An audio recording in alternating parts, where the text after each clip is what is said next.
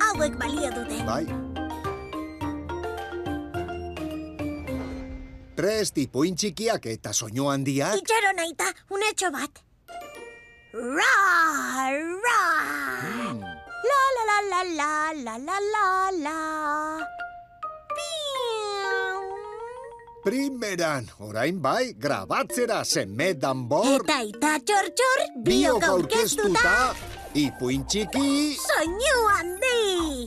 gaur gurekin... Jainkoa gehi jainkoa denok. Diego Fernando Sánchezen ipuina. Taran, taran, tan, tan. Hiri handi handi honen bihotzean parke txikitxo bat daukate.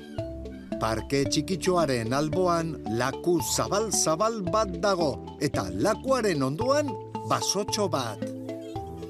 Gaur inguruko ikastetxe bateko umeak eraman dituzte bertara. Maixua gizon altu-altua da, bizarduna.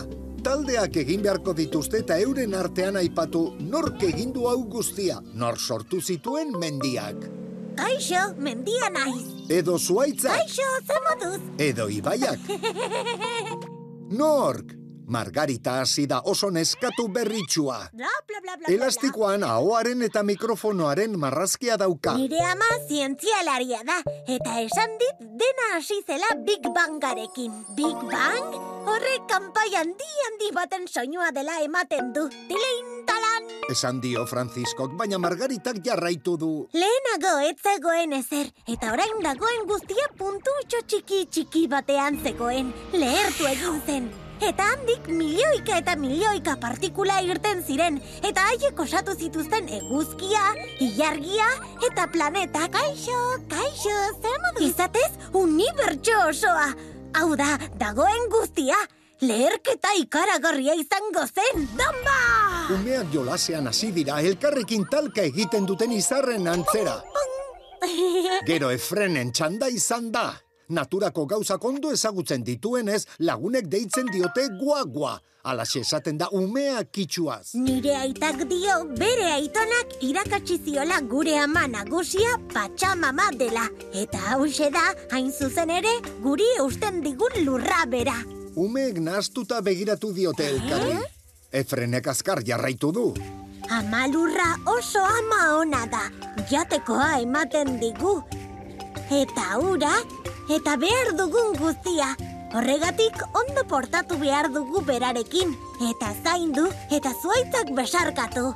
Umeak belarria lurrean jarrita adi-adi geratu dira, lurraren ahotsa entzuteko. Oh, ama lurraren ahotsa. Mutiko batek gainera bere bazkaria partekatzea eskaini dio. Biok jango dugu.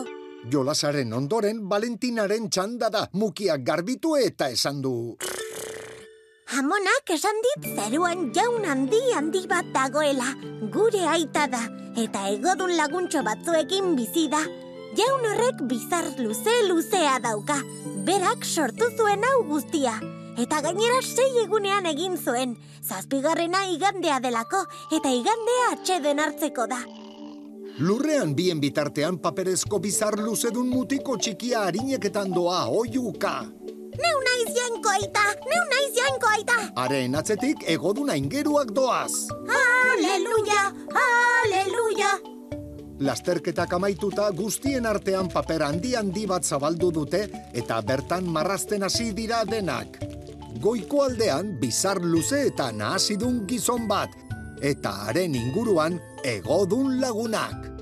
Eskuinean izerrak eta koloretako leherketak.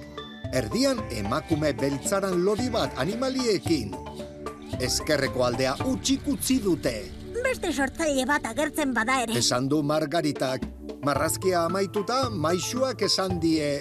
Ikusi duzue, denontzako tokia dago, eta lagun onak izan daitezke gainera, zeuek bezala. Maisu, zuk ere bizarra daukazu.